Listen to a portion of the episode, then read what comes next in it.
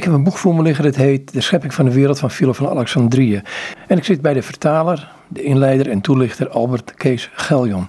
Um, die Philo van Alexandrië, ik kreeg het boek, ik heb ervan genoten. Ik stond er stomme verbazing, er zat er nog een brief van um, Ambrosius in het eind, uh, brief 43.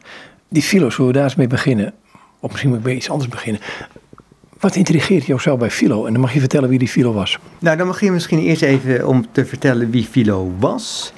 Uh, eigenlijk een Joodse, Joodse geleerde, uh, theoloog, uh, bijbeluitlegger.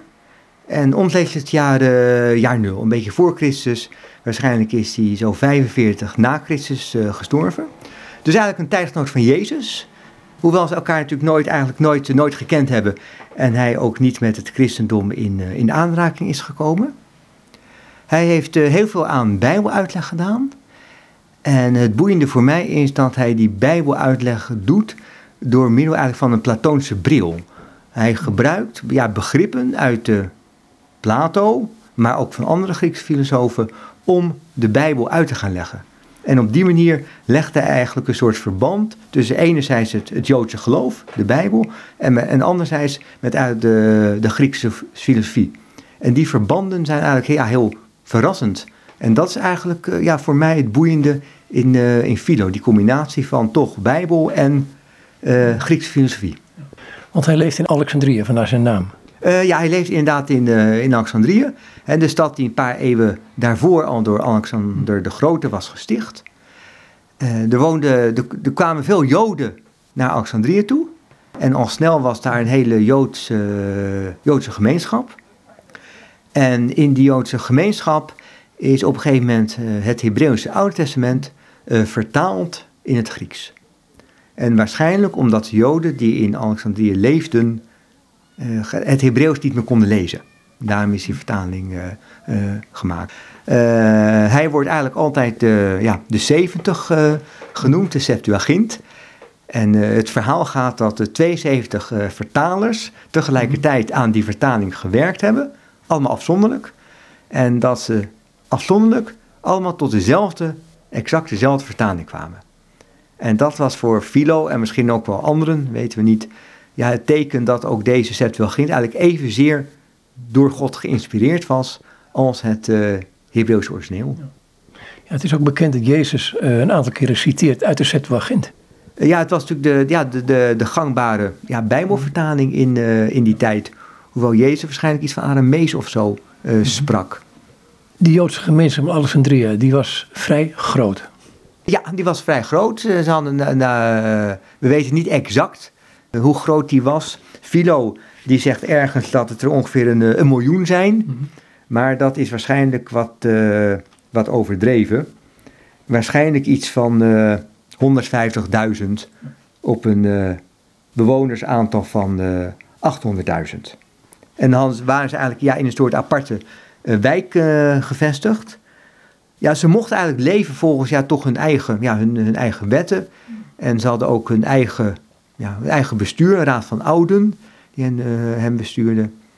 Er kwamen op een gegeven moment wel wat ja, conflicten tussen de Grieken, die in de, in in de stad wonen, en, en de Joden.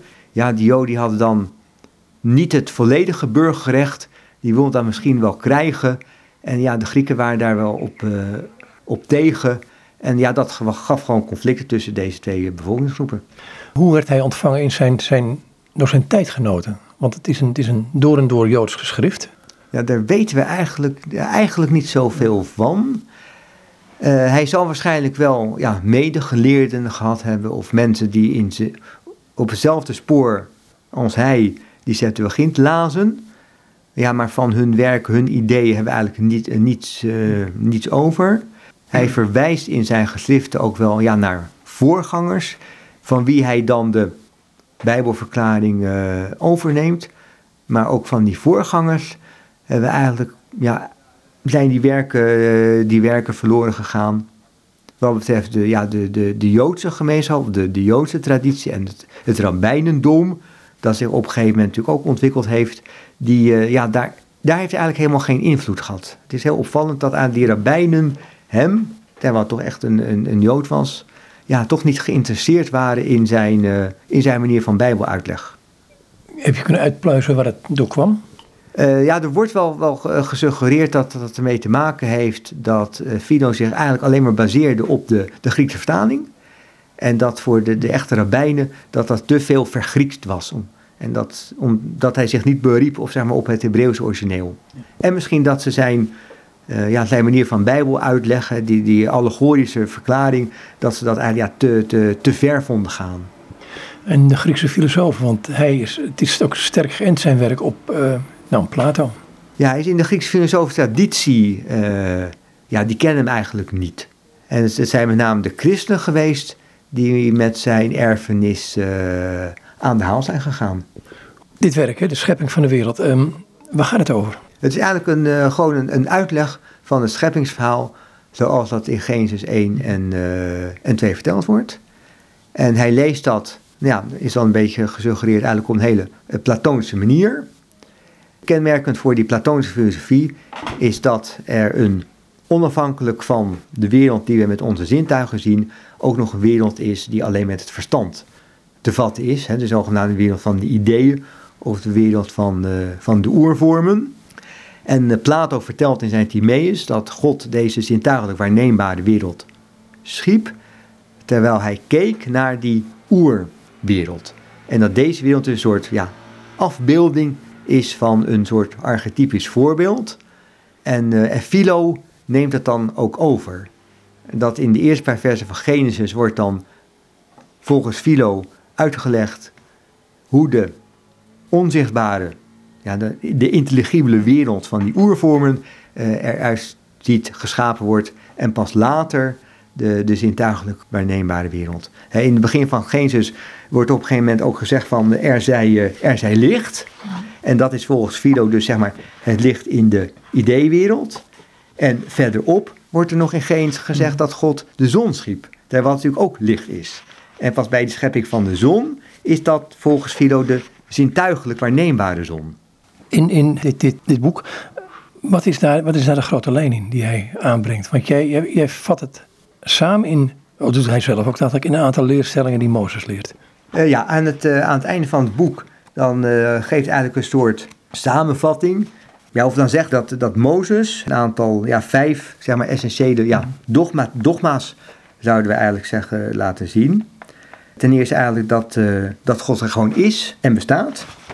En dat God ook één is, dat er één God is. En dat de wereld is, uh, is ontstaan, dat is, uh, is geworden. Dat er maar één wereld is, omdat er ook maar één schepper is. En als, als laatste dat God ook zorg draagt voor de kosmos. Hij draagt er zorg voor. Um, hoe bouwt hij dit op in zijn, in zijn commentaar? Hij is met een allegorische bewerking bezig. Hoe bouwt hij dat op, dat, die, die vijf stappen? Nou, hij, ja, hij bouwt het niet zo systematisch op dat die vijf stappen zo duidelijk naar voren komen. Als ik kan, bijvoorbeeld die vijfde stap kan uitleggen van dat, dat God zorgt voor de kosmos. Dat werkt eigenlijk uit door altijd het beeld van God als vader en als schepper te gebruiken. Hij noemt God heel vaak tegelijkertijd vader en schepper. Weer heel opvallend, want dat is ook een Platonische uitdrukking. Plato heeft het ook altijd over God, vader en, uh, en schepper. En dan vergelijkt hij het eigenlijk met, hè, zoals een vader zorgt voor zijn kinderen, uh, zoals een, ja, een schepper of een, ja, een, een vakman zorg draagt voor zijn uh, producten. Ja, op die manier draagt God ook zorg voor wat hij geschapen heeft voor, voor zijn wereld dan is de eerste dag, het, het, getal 1, ja, dat mag je uitgelegd, want ik vond het een, een uh, dat, die hangt in wezen een beetje los van uh, de andere scheppingsdagen. Uh, ja, Philo die, die zegt dat ja, de, eerste dag, of, of dag 1, een, een bijzondere ja, positie inneemt.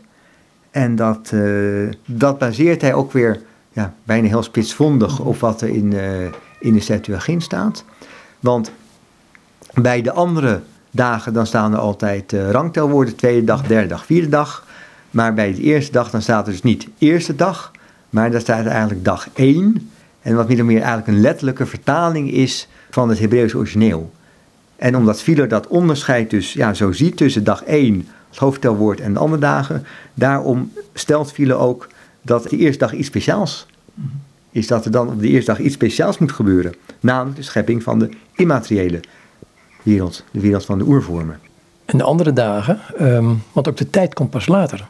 Uh, ja, de, de tijd komt pas als de, de zon en de maan geschapen zijn. Want tijd, ja, dat, die meten wij pas met de zon en de maan. Dan, daardoor zijn natuurlijk de omwentelingen van de dagen en de jaren. Daarvoor is pas tijd. En ja, voor die tijd uh, ja, was er geen tijd. En ook Philo weet niet hoe dat eruit zag. Ik ook niet, maar goed. Vind ik een hele lastige. Um, dan, gaat hij, dan heeft hij die opbouw naar de zesde dag toe, dat, uh, als de mens geschapen wordt, als, als hoogtepunt van de schepping. En dan gebruikt hij op een gegeven moment de woorden: Het is alsof God de wereld aan het versieren is voor die mensen. Uh, ja, en uh, Fido stelt zich dan inderdaad de vraag voor van ja. Uh, ja, de schepping is toch eigenlijk een beetje, of de mens is toch eigenlijk het hoogtepunt, het beste van de schepping. Hè? Philo en eigenlijk uh, alle Grieken dachten ook heel erg antropocentrisch. Hè? De, de, wereld is geschapen voor de mens. Dus de mens is het hoogtepunt van de schepping. Beetje merkwaardig dat die mens pas als laatste geschapen wordt. Philo uh, ja, gebruikt een aantal beelden om dat, uh, om dat uit te leggen. hij zegt dat God eigenlijk een soort gastheer is, die, die, een, ja, die een maaltijd geeft. En die pas eerst zorgt dat alles gereed is, dat de hele aarde gereed is. En dat dan pas de gast en de mens uitgenodigd wordt, zodat de mens eigenlijk alles ja, voor hem uh, gereed ziet. Hoe verhaalt hij de schepping van de mens? Want hij heeft het over een meervoud. Laat ons. Uh, ja, dat, on, dat laat ons. Uh, daarin zegt hij hier, en misschien ook wel in, in, in andere werken, dat God dan inderdaad eigenlijk hulp heeft gekregen door middel van zijn, ja, van zijn logos. Oftewel het, het woord van God. God heeft het niet alleen gedaan, maar ook door middel van zijn, eh, van zijn logos. En dat begrip, ja, logos, woord. Uh, die theorie over logos speelt een belangrijke rol bij, uh, bij Philo. En de logos, bij Philo zou je kunnen zeggen dat het eigenlijk een soort dat aspect is van God, waarmee God contact heeft met de geschapen wereld. Dus als God in contact wil komen met zijn, met zijn schepping, doet hij dat niet rechtstreeks. Philo hecht erg aan toch een soort ja, transcendente, hoge God. Dan doet hij dat door middel van, uh, van zijn logos, hè, het woord. En dat speelt natuurlijk ook in het scheppen gewoon een hele belangrijke rol. Want God schept ook door middel van zijn woord. Altijd. En ook ergens in een van de psalmen komt het ook weer terug. Door zijn woord is de aarde gegrondvest. Ja, het is heel boeiend dat Origenes dit opgepakt heeft, hè? Uh, ja, die kerkvaders die, die vonden dat, ja, die zaten natuurlijk met logos, die verbonden zijn natuurlijk met, uh, met Christus, als middelaar tussen God en mens, de schepping. Dus die namen zeker dat, ja, dat logos-idee van, uh, van Philo over. Zeker natuurlijk ook met dat, dat die uitleg van het woord wij, wat in de christelijke traditie dan naar de, de drie-eenheid verwijst. Maar ligt er dan ook een verschil tussen um, want dat zegt Origenes op een gegeven moment. Dat wij zijn het beeld van God geschapen. En hij linkt dat meteen aan logos, mag ik wel zeggen. Aan het woord, maar ook aan Christus zelf. Dus dat het niet een uiterlijk beeld is, maar een, meer een innerlijk beeld wat we hebben. Ja, wanneer in de... In Genesis wordt natuurlijk verteld dat, God, of dat de mens geschapen is naar Gods beeld. En dan stelt Philo ook inderdaad de vraag van ja, wat moeten we veronderstellen? Dus, dus uh, ja, dat beeld van God waarnaar de mens is geschapen. En dat legt hij ook uit dat het uiteindelijk betrekking heeft op ja, het verstand uh, van de mens. Hè, volgens Philo is wat het verstand, dat, of de ziel die de mens dan heeft, dat is zeg maar het stukje goddelijke of het stukje dat uh, aan God gelijk is. En daarom kan de mens ook God kennen, omdat hij verstand van God heeft gekregen. En voor de rest zijn we geboetseerd en dat beschrijft hij heel plastisch in het, in het, in het werk. Ja, en dan komt er later in, in Genesis 2 wordt het eigenlijk inderdaad meer de, de, de, de, de schepping van zeg maar, het lichaam van de, de, mens beschreven. En ja, en dan baseert Philo zich op wat inderdaad in Genesis 2 staat. Dat, uh, dat God de mens ja, boetseert uit, uit klei mm -hmm. en, hem, en hem levensadem inblaast. Volgens Philo zegt ook op een gegeven moment dat God schiep de wereld omdat God goed is. Uh, ja, en dat heeft hij eigenlijk louter van, van, ja, van, van, uh, van Plato overgenomen. Terwijl natuurlijk in de, in de Bijbel staat eigenlijk helemaal niet waarom God, uh, God de wereld schiep. Maar hoe kijk je er tegenaan? Want daar, daar word je mee geconfronteerd in dit soort werken. Ja, het is een mooie gedachte. Wanneer het verder over die allegorische uitleg en dergelijke gaat, dan denk ik dat Philo wel een stapje te ver gaat en mm. meer in de tekst leest dan er eigenlijk in zit. Zou dat een reden zijn dat de, rabbi, de rabbijnen hem toch enigszins negeren? Ja, dat zou op zich best een, uh, best een reden kunnen zijn. Opvallend is dan wel weer dat de kerkvaders er wel heel erg gretig uh, gebruik van hebben gemaakt. Maar de kerkvaders deden dat eigenlijk ook om ja, het, het, het christendom en het christelijk geloof acceptabel te maken mm. voor uh, de intellectuelen uit hun tijd. He, want het, zeker het Platonisme in combinatie met, met de Stoa, dat waren de filosofische stromingen zo uit de eerste eeuwen na Christus.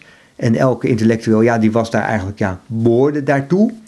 Dus als jij nu kon zeggen dat, het, dat die Bijbel eigenlijk ook een beetje Platoons en Stoa was, dan had je een link tussen ja, de Bijbel en het, uh, ja, het filosofisch discours uit de tijd. Heb je eh, citaten van Origenes hier in dit boek opgenomen? Kijk, dit is op zich wel een, mooi voorbeeld van hoe Origenes dingen dan overneemt. Want Philo gebruikt, wanneer hij het uh, gaat hebben over het scheppen van God, gebruikt hij het beeld van God als architect, die eerst met zijn geest dan, uh, in zijn geest maar, het ontwerp van een stad tekent en het pas later uitvoert.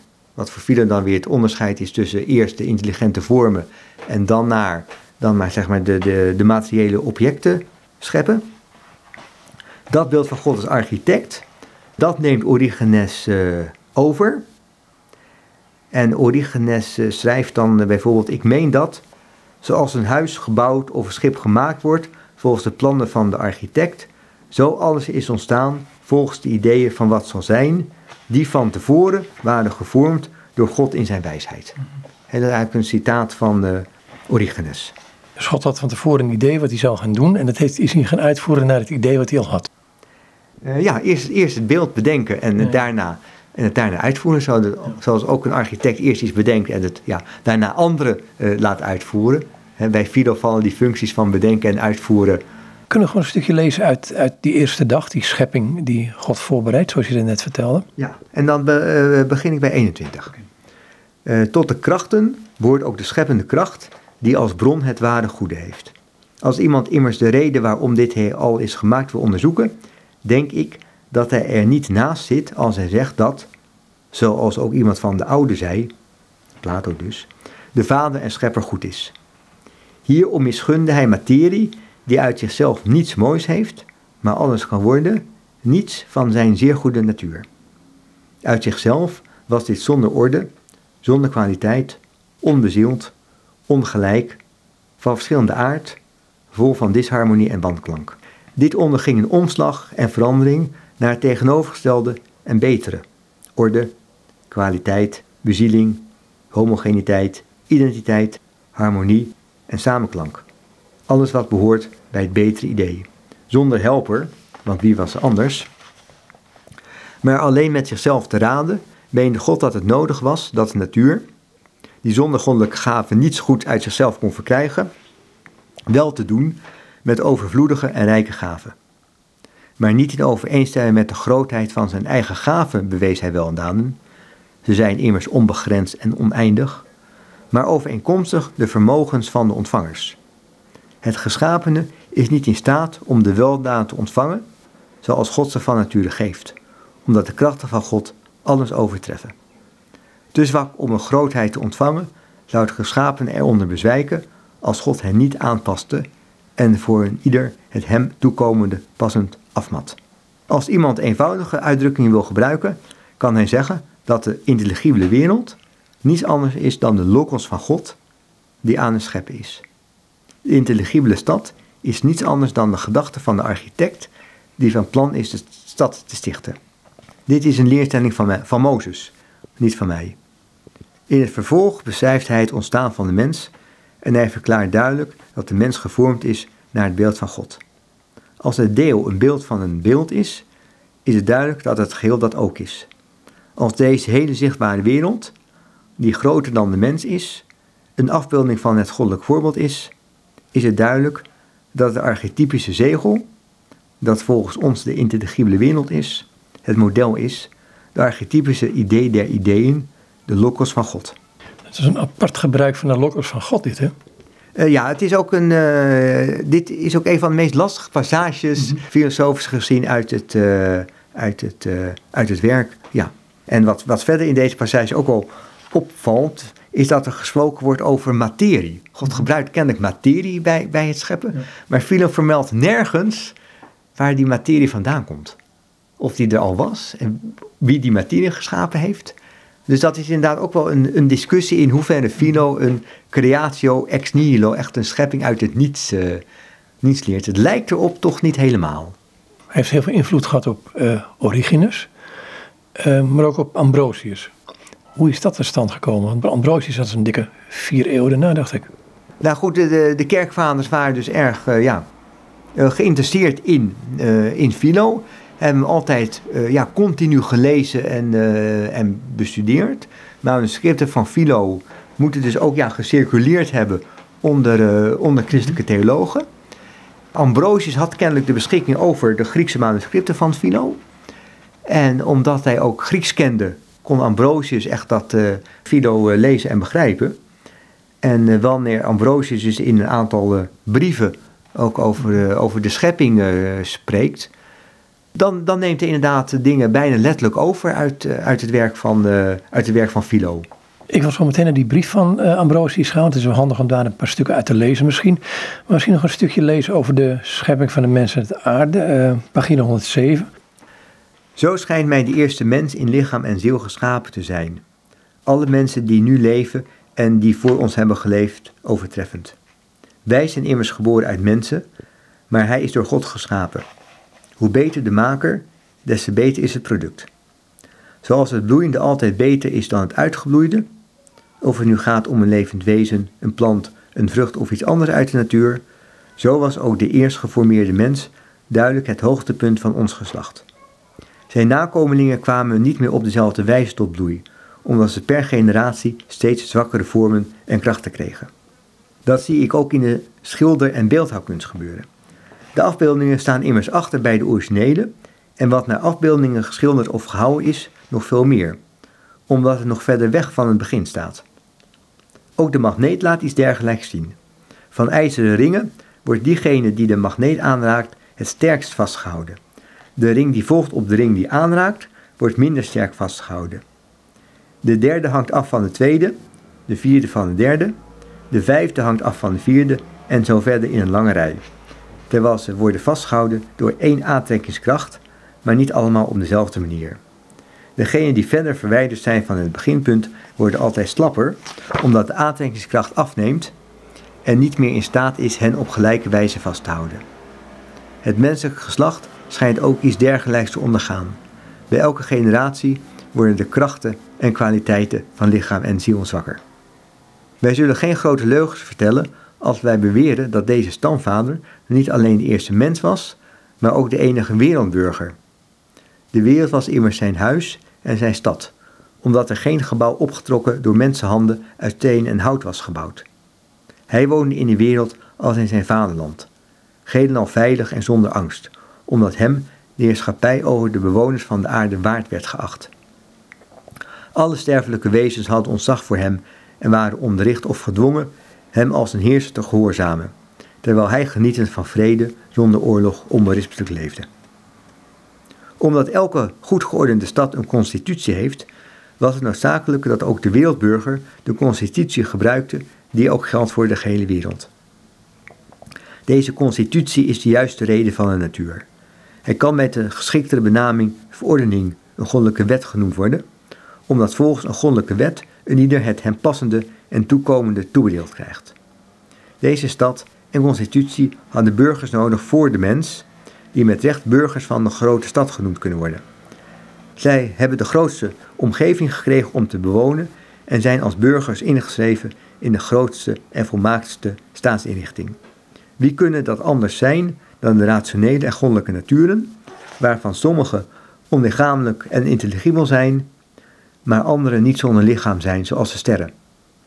Het was natuurlijk dat hij, met hen omgaande en samen met hen levende, zijn tijd doorbracht in reine zaligheid. Hij was familie van en zeer verwant met de heerser, omdat hem de goddelijke geest in overvloed was ingeblazen. Hij streefde ernaar om alles te zeggen en te doen om de vader en koning te behagen, en voet voor voet volgend op de wegen die de deugden openen als snelwegen. Het is slechts die die toegestaan hem te volgen, die als doel hebben gelijk te worden aan God die hen voortbracht. Apart is dit, want, want voordat je dit stukje las, staat er zoiets als: De logos van God is beter dan de schoonheid die de schoonheid is, die de schoonheid is in de natuur.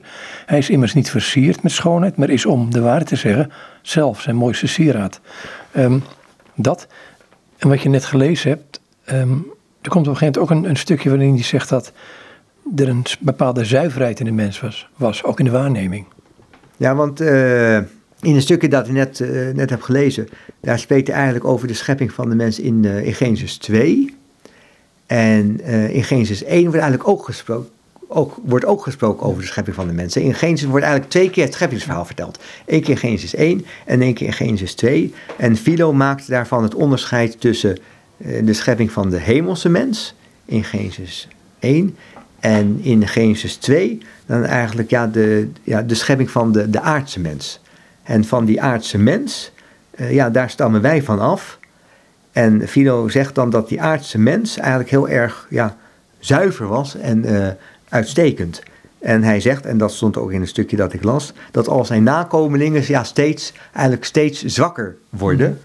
En die eerste mens, die was eigenlijk ook heel zuiver, omdat nog zuivere klei was. De aarde was net geschapen, dus de, de, de, de modder en het water van de, de aarde was ook nog heel erg zuiver.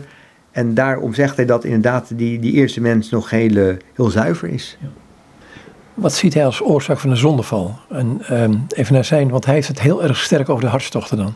Ja, dat is voor hem uh, de, ja, de, de hartstochten. Met name het, uh, het genot. Mm -hmm. dat ziet hij eigenlijk als de hoofdoorzaak van de zondeval. En uh, wanneer hij dan inderdaad dat verhaal van de, de, de, paradijs en de slang uitlegt, dan geeft hij daar eigenlijk een hele symbolische verklaring voor.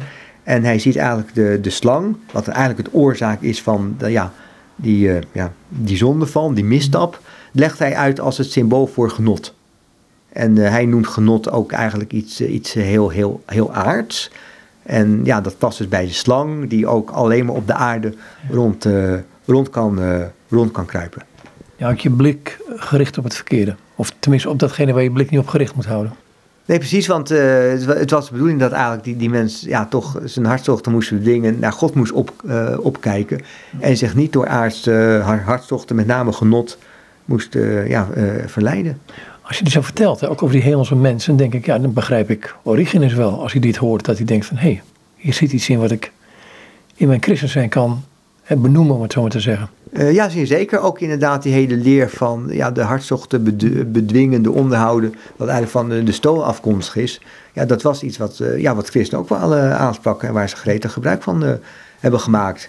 En je ziet Philo dat hij inderdaad in zijn uitleg ook heel veel begrippen uit de stoa, zoals hartstochten of het vrij zijn van hartstochten, mhm. apatheia, overneemt. En uh, daarin hebben ja, Origenes en andere christelijke schrijvers hem uh, helemaal nagevolgd. Wat is na de zondeval de plaats van de reden, de plaats van het intellect of het intelligibele, zoals je het zegt? Nou ja, eigenlijk is natuurlijk de bedoeling dat het, het intellect het genot overheerst, dat dat de basis is. En zoals Plato ook zegt. Maar uh, ja, dat is dus niet altijd het, het geval. Mensen laten zich meeslepen, of ja, de mens laat zich meeslepen door zijn, door zijn hartstochten. Ja. Dan ga ik naar het einde van het boek toe, want we kunnen nog eindeloos stukken eruit halen, mag van mij hoor. Um, maar dan heb je een brief van Ambrosius opgenomen. Brief 43. Dat is een brief van Ambrosius aan Orantianus. Um, waarom heb je die opgenomen? Want het ligt. Uh, je bent een vertaling aan het doen van Philo van Alexandrië. En dit komt er. Is dit een vreemdkurper wat je erin gooit? Uh, nee. Nee, het, het, het, nou, ik vond het heel mooi om het erbij te doen, omdat het eigenlijk heel goed laat zien wat voor invloed Philo die eeuwen door, door heeft gehad. En dan is het toch heel ja, uh, ja, frappant en bijzonder om te zien dat Ambrosius en Ben echt heel vaak gewoon letterlijke dingen uh, ja, ja, van, uh, van Philo overneemt. En sommige zinnen ja, eigenlijk letterlijk overneemt. En waarbij hij tegelijkertijd ook wel weer, als hij iets van Philo overneemt, dan toch ook wel weer combineert met ja, gegevens uit het Nieuwe Testament. We hadden het eerder over dat beeld van God als gastheer. En nou ja, dat neemt uh, Ambrosius uh, over. Maar dan combineert hij het ook met, inderdaad, met een, de vergelijking die in Matthäus te vinden is over een koning die dan een bruiloft organiseert en gasten uitnodigt.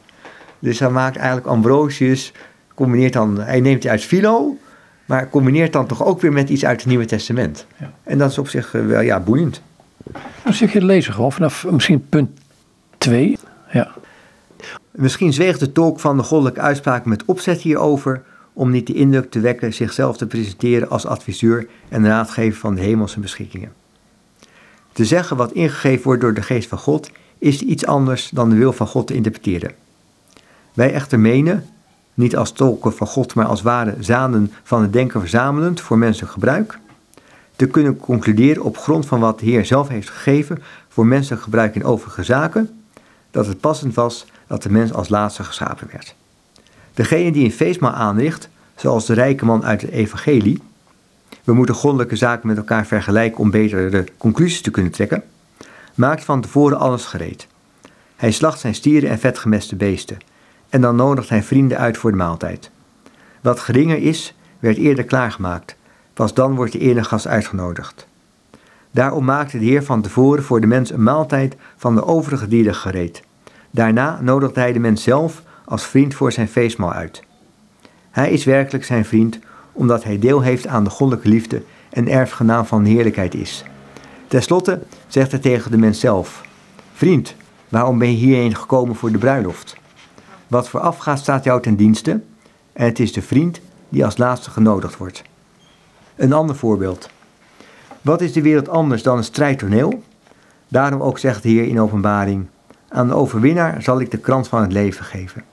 En Paulus zegt: Ik heb de goede strijd gestreden. En elders: Niemand wordt gelauwerd als hij zich niet aan de regels heeft gehouden. Het is de Almachtige God die deze wedstrijd instelt. Hij die de strijd aangaat in deze wereld, bereidt hij niet alles voor wat noodzakelijk is voor de strijd? Hij roept dan de atleten op om te strijden om de krans wanneer de eretekenen van de prijzen klaar liggen, met de bedoeling dat de overwinnaar niet opgehouden wordt, maar weggaat, begiftigd met de prijs. De prijzen voor de mens zijn de vruchten van de aarde en de lichten van de hemel. De vruchten voor gebruik in het huidige leven, de lichten voor hoop op het eeuwige leven. Als een atleet betreedt hij als laatste het strijdperk. Hij richt zijn oog op naar de hemel en ziet dat de hemelse schepping is onderworpen aan zinloosheid. Niet het eigen wil, maar door hem die haar onderworpen heeft in hoop. Hij ziet dat de hele schepping zucht, verlossing verwachtende. Hij ziet dat allen werk wacht. Hij richt zijn ogen op. Hij ziet de kransen van lichten. Hij beschouwt de kringen van de maan en de sterren, omdat de rechtvaardigen die hebben overwonnen, zullen zijn als sterren in de hemel. Hij kastijdt zijn lichaam met de bedoeling dat het zich niet tegen hem verzet in de strijd, smeert zich in met olie van barmhartigheid, traint zich met de dagelijkse oefening in de deugd. Hij bedekt zich met de stof van stadion, rent niet als naar een onzeker doel, deelt zijn slagen uit, staat met zijn armen, maar niet vruchteloos. Hij slaat zijn tegenstander, die hij niet ziet, omdat hij op hem alleen is gericht, voor wie allen wijken. Maar zij die niet gezien worden, en in wiens naam de hemelse machten uiteengeslagen worden. Hij stingert de lans, maar het is Christus die slaat. Hij tilt zijn voet op, maar het is Christus die verwondt. Ten slotte, hoewel Paulus degene die hij sloeg niet zag, sloeg hij niet als het ware in de lucht, omdat hij door de verkondiging van Christus alle kwade geesten die zich tegen hem verzetten, verwonde. Niet onterecht dus betrad de mens als laatste stadion, voor wie de krans voorbereid is met de bedoeling dat de hemel hem voorgaat, alsof het zijn beloning is. Dat is een apart stukje. Uh, ja, Ambrosius, die dus eerder eigenlijk de, de mens heeft, heeft vergeleken met iemand die uitgenodigd wordt voor een feestmaal en pas komt als de aarde gereed is. Daarna gebruikt hij dan eigenlijk een andere vergelijking, ook van Philo overgenomen, uh, dat God een organisator is van, uh, van de wedstrijd. En eerst moet alles voor de, de wedstrijd gereed zijn en pas dan nodig je de, de deelnemers uit. En Ambrosius combineert dan eigenlijk weer, ja, weer heel kundig met nieuwtestamentische uh, teksten, waarin ook ja, die, die symboliek van een wedstrijd uh, spelen naar, uh, naar voren komt. En de mens die moet rennen en de krans van de overwinning kan behalen. Stukje 7, ja, ik blijf maar een stukje in die brief zitten. We kunnen verder gaan met stukje 7, want dan komt hij bij die hemelse mens uit, denk ik. Even kijken, dus bekijk iets anders. In alles zijn het begin en het einde het meest belangrijk. Als je een huis bekijkt, zijn de fundamenten en het dak belangrijker dan alle andere onderdelen. Als je een akker bekijkt, zijn zaaien en oogsten, het planten en de opbrengst het meest belangrijk. Hoe heerlijk zijn de voortbrengselen van de bomen, hoe aangenaam zijn de vruchten. Hierom is dus de hemel het eerst geschapen en de mens het laatst, als een hemelschepsel op aarde. Met zijn lichaam wordt hij weliswaar vergeleken met de beesten, maar met zijn geest wordt hij gerekend tot de hemelingen. Zoals wij een beeld van de aardse mens hebben gedragen, zo dragen wij ook een beeld van de hemelse mens. Hoe kan het niet hemels zijn die geschapen is naar het beeld en de gelijkenis van God? Terecht is dus in de schepping van de wereld de hemel het eerste en het laatste. In wat voorbij de hemel is, bevindt zich de God van de hemel. Over hem moet ook dit opgevat worden: De hemel is mijn troon. God is immers niet boven de elementen, maar in het hart van de mens. Daarom zegt de Heer ook: Wij zullen naar hem komen en bij hem wonen. De hemel is dus het begin van het aardse scheppingswerk, de mens het einde. En hij kan dat begin en dat einde weer met elkaar verbinden, omdat hij de mens dan eigenlijk ook ziet als een, als een hemelse, hemelse mens. En ja, spreekt ook vaak over de, de, de hemelse, de hemelse mens. De, en dat is eigenlijk ook weer een, een, een beeld van, van, van Plato. Want Plato stelt op een gegeven moment de vraag waarom de mens als enige van alle dieren eigenlijk weer rechtop loopt en naar boven kan kijken. En het antwoord van Plato is dat de mens dus met zijn ja, gezicht naar de hemel kan kijken. Dat hij daar de omwentelingen van de sterren en de planeten kan zien. En het zien daarvan, het aanschouwen daarvan, is ja, zowel voor Plato als voor Philo het begin van uh, filosofie, het verstandelijk denken. En omdat de mens met zijn hoofd eigenlijk in de hemel ja, rijdt, ja, noemen Plato en Philo de mens dan een, uh, een hemelschepsel. Naar het beeld van de hemelse gemaakt, hè? Ja, ja, nee, ja, naar het beeld van God, ja. Origenes zegt dat het beeld waar wij naar gemaakt zijn het beeld van Christus is. Uh, ja. Toen al. Dus, dus die drie eenheid haalt hij erbij. Uh, ja, Origenes die interpreteert natuurlijk op, op een christelijke manier. Dus als hij over het beeld van God uh, spreekt, dan, dan spreekt hij automatisch ook over Christus. Ik vind het ook apart dat hij hier in dit stukje wat je net las zegt dat um, de God van de hemel, over hem, moet over, hem moet ook dit opgevat worden. De hemel is mijn troon. God is immers niet boven de elementen, maar in het hart van een mens. Die tegenstelling. Dat vind je bij, bij Augustinus, zag je het laatst ook weer in een um, commentaar uit de psalmen. Ik, vind, ik vind het een aparte tegenstelling. Ik vraag je daar naar kijkt. Want het, valt me nu op dat en de hemel is mijn troon. En dan zegt hij, God is immers niet boven de elementen, maar in het hart van een mens. Ja, ik denk dat hij twee, twee dingen. Eerst zegt hij van, de God is voorbij de hemel. Dat hij meer een soort beeld van, ja, God is heel ver weg. En, en heel transcendent. Maar daarna zegt hij meteen ook weer, ja, misschien heel kritisch, ja, maar God is eigenlijk heel, ook heel dichtbij. God is ook in je hart. Dus twee, ja, misschien enerzijds toch dat filosofische idee van de transcendente God ver weg, gecombineerd met toch meer het, het, echt het christelijke geloofsleer dat God dichtbij is en in je hart is. Ik vind het wel een mooie gedachte, ik, die Ambrosius. Um, een stukje verderop uh, gaat het over het verlangen van het intellect. Dat is een bladzijde 131 in het midden ongeveer. Ja, daarin, uh, ja, daarin uh, spreekt Ambrosius eigenlijk over ja, dat het intellect of de ziel van de mens eigenlijk ja, boven zichzelf kan uitstijgen en uiteindelijk tot, tot God kan geraken. Hè. Dat is ook iets wat we, wat we bij Philo en vanuit de antieke filosofie kunnen denken. Dat het intellect van de mens is zo geschapen dat het eigenlijk op kan, op kan stijgen tot God. En daar, daar, daar, daar spreekt Ambrosius hier over heel erg aansluitend uh, bij Philo. Maar waar Philo dan zegt van ja, het intellect dat komt gewoon eigenlijk, dat, eind, dat eindigt bij God, bij het, God, bij het zien van God. En daar maakt Ambrosius dan van uh, de schoot van de vader, waarin de enige geboren zoon van God is. Dus hij maakt dan eigenlijk weer een christelijke interpretatie van een beeld dat, uh, dat Philo gebruikt. Dus de moeite nog om dat voor te lezen, vanaf dat met grote verlangen? ja hoor, even kijken. Ja, met nog groter verlangen verheft het intellect zich naar de schoot van de Vader, waarin de enige geboren Zoon van God is. De geheimen van God uitleggend, die later van aangezicht tot aangezicht geopenbaard gaan worden.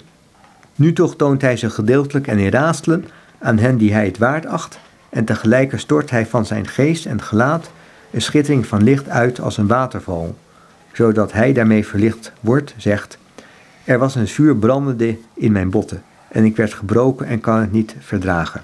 En David zegt, laat mijn oordeel van uw gelaat uitgaan. Misschien een, nou niet een laatste vraag, maar waarom heb je deze brief opgenomen in dit boek? Omdat ik een heel mooi voorbeeld vond van hoe een christelijke kerkvader gebruik maakt van het werk van Philo. Een aantal dingen uh, overneemt, soms letterlijk citerend, maar het ook wel ja, uh, ja, aanpast aan zijn, eigen, aan zijn eigen opvattingen. En dat laat meteen eigenlijk ook, uh, ook ja, het, het belang zien van Philo. Het kan best zijn dat zonder Philo die christelijke theologen, die christelijke theologie, er heel anders uitgezien zou hebben. Dat zou best kunnen. Um, je hebt nog een ander boek van hem, uh, ander werk van hem vertaald, Het leven van Mozes. Blijkt het daar ook uit? Minder, minder. Want dat leven van Mozes, uh, ja, daarin, uh, daarin vertelt Philo eigenlijk bijna op een soort ja, letterlijke manier -hmm. het leven van, van Mozes na. Dus daar is eigenlijk veel minder, veel minder allegorie als kerkvader daar gebruik van gaan maken. Dan, ziet het, dan, dan heeft het meer te maken met beschrijvingen van van Mozes zelf of over, de, of over de opvoeding van Mozes. Maar niet dat ze echt heel veel ja, theologische uh, ja, dogmata eruit gehaald hebben. Kun je met, met Philo zeggen, die leeft in dezelfde tijd als Jezus leefde, dat het toch een, een tijd was waarin een aantal dingen, een aantal lijnen bij elkaar lijken te komen? Ja, dat, dat, kun, je, dat kun je waarschijnlijk wel zeggen. In diezelfde periode, of, of leefde ook Paulus. Hè? Er zijn ook wel overeenkomsten tussen, tussen ja, evangelist en ook Paulus. En uh, altijd een discussie in hoeverre Johannes 1 met, hè, in het begin was het woord, hoe ver dat aansluit bij, bij, uh, bij ideeën van Philo. Heel veel spe speculatie over. Heeft Johannes het van Philo overgenomen? Nou, waarschijnlijk niet. Maar ze naam waren allemaal ja, deel uit van hetzelfde milieu, waarin toch kennelijk zulke opvattingen afkomstig toch een beetje uit de Griekse filosofie uh, gangbaar waren. Dus, allemaal, dus allemaal geput uit ja, hetzelfde milieu. Wat voegt daar het, het, het, het rabbijns of het Joodse gedachtegoed aan toe? Ik denk niet zoveel eigenlijk. Het is echt een soort Grieks sprekend Hellenistisch Jodendom. Waar de rabbijnen, voor zover ik weet, eh, niet zoveel deel aan hadden. En wij weten ook niet zoveel uit die tijd van die rabbijnen, want die geschriften die we van de rabbijnen hebben, die zijn, altijd, die zijn gewoon een aantal eeuwen later. Dus het is voor ons ook heel moeilijk om echt uit die uit die periode het, het jodendom uh, te reconstrueren. Die filo, er is veilig over bekend waarschijnlijk verder. Inderdaad, niet zoveel. Uh, Alexandrië leefde hij. We, we weten uh, ja, dat, uh, dat hij een zoon had en dat, dat hij familie had en dergelijke. Dat hij goede opleiding heeft gehad. Ja, maar verder ook niet, ja, niet zoveel. Nee, dat klopt. En de bibliotheek van Alexandrië, waar zijn werk ongetwijfeld lag, die is op een gegeven moment in, voor een deel in vlam opgegaan. Ja, waarschijnlijk, maar het is ook allemaal onzeker toen, uh, toen Caesar de Alexandrië belegerde. Een van de dingen die ik gelezen heb in, in de schepping van de wereld, en dat is een stukje wat ik nou niet kan zeggen, oh dat heb ik meteen helemaal begrepen, dat gaat over de getallen. Daar heeft hij nog allerlei ideeën over. En dan ehm, ga ik het niet hebben over alles getallen afzonderlijk, maar misschien alleen het getal 7 eruit pakken. Uh, ja, Fido, uh, doet eigenlijk heel veel met, met, met getallenleer, waarbij hij dus eigenlijk aansluit uit aan de, de, de Pythagoreërs, volgelingen van, van Pythagoras. En voor hem is dan eigenlijk ja, 7 een, ja, een heel belangrijk getal, vanwege natuurlijk, omdat op de zevende dag, omdat God de zevende dag heiligt en die dag zegent. En hij ziet dan zeven ook overal terugkomen in de, in de schepping. Hij, spreekt, hij verdeelt de periode van een, mensenleven, verdeelt hij dan ook in, in zeven periodes. Uh, hij spreekt ook over, over zeven planeten. Hè, in Filo's tijd waren dan, dan zeven planeten. Op gelijke wijze geldt dit ook voor het lichaam. Hè, dat getal 7 zo vaak voorkomt. Als je de buiten- en binnenkant van het lichaam onderzoekt, zul je bij beide het getal 7 vinden. De zichtbare delen zijn de volgende: hoofd, borst, buik, twee handen en twee voeten. De delen aan de binnenkant, de zogenaamde ingewanden, zijn maag, hart, longen, milt, lever en twee nieren. Het leidinggevende deel van het levende wezen, het hoofd, maakt op zijn beurt gebruik van zeven noodzakelijke onderdelen. Twee ogen, twee oren, twee neusgaten en als zevende een mond. Waardoor, zoals Plato zegt, iets sterfelijks naar binnen gaat en iets sterfelijks uh, naar buiten komt. Wat onderscheiden wordt door het beste zintuig, het zien, heeft deel aan dit getal. 7 op grond van het soort. Er zijn immers zeven objecten die gezien worden: lichaam, afstand, figuur, grootte, kleur, beweging en rust. En niets anders meer.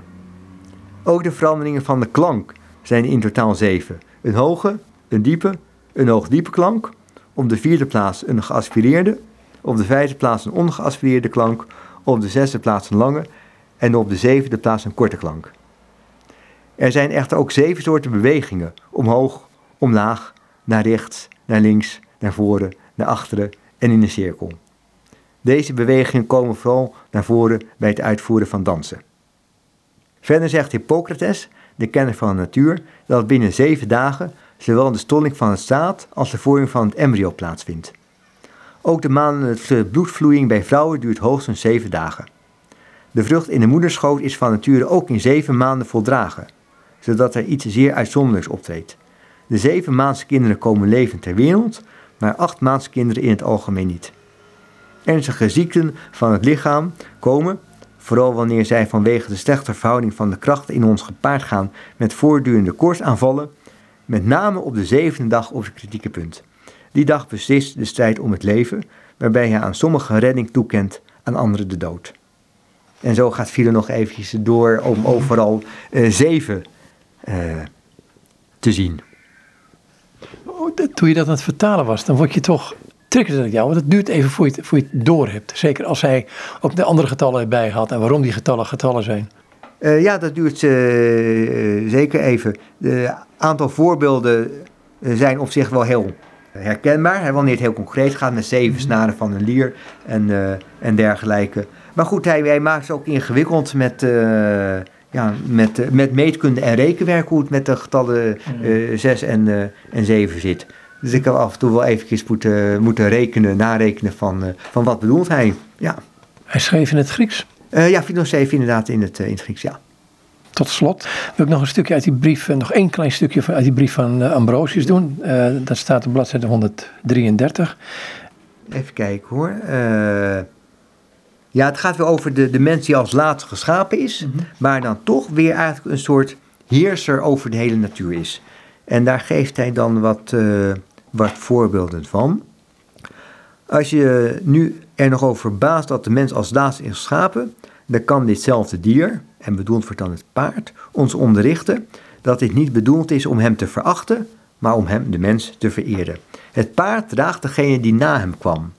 En hij veracht hem niet, maar heeft ontzag en draagt hem van streek tot streek met eigen inspanning. In één moment bereikt de mens wat ver af is. Hij legt lange afstanden af, nu eens rijdend op één paard, dan weer in een triomftocht met vier spannen paarden. Nu ik over triomftochten met vier paarden spreek, moet ik hier aan de wagen van Elia toevoegen, waarmee hij door de lucht heeft gereden. En de wagen met olifanten, waarop de mens als overwinnaar zit, en hij, hoewel hij de laatste is, leidt hen die voorop gaan.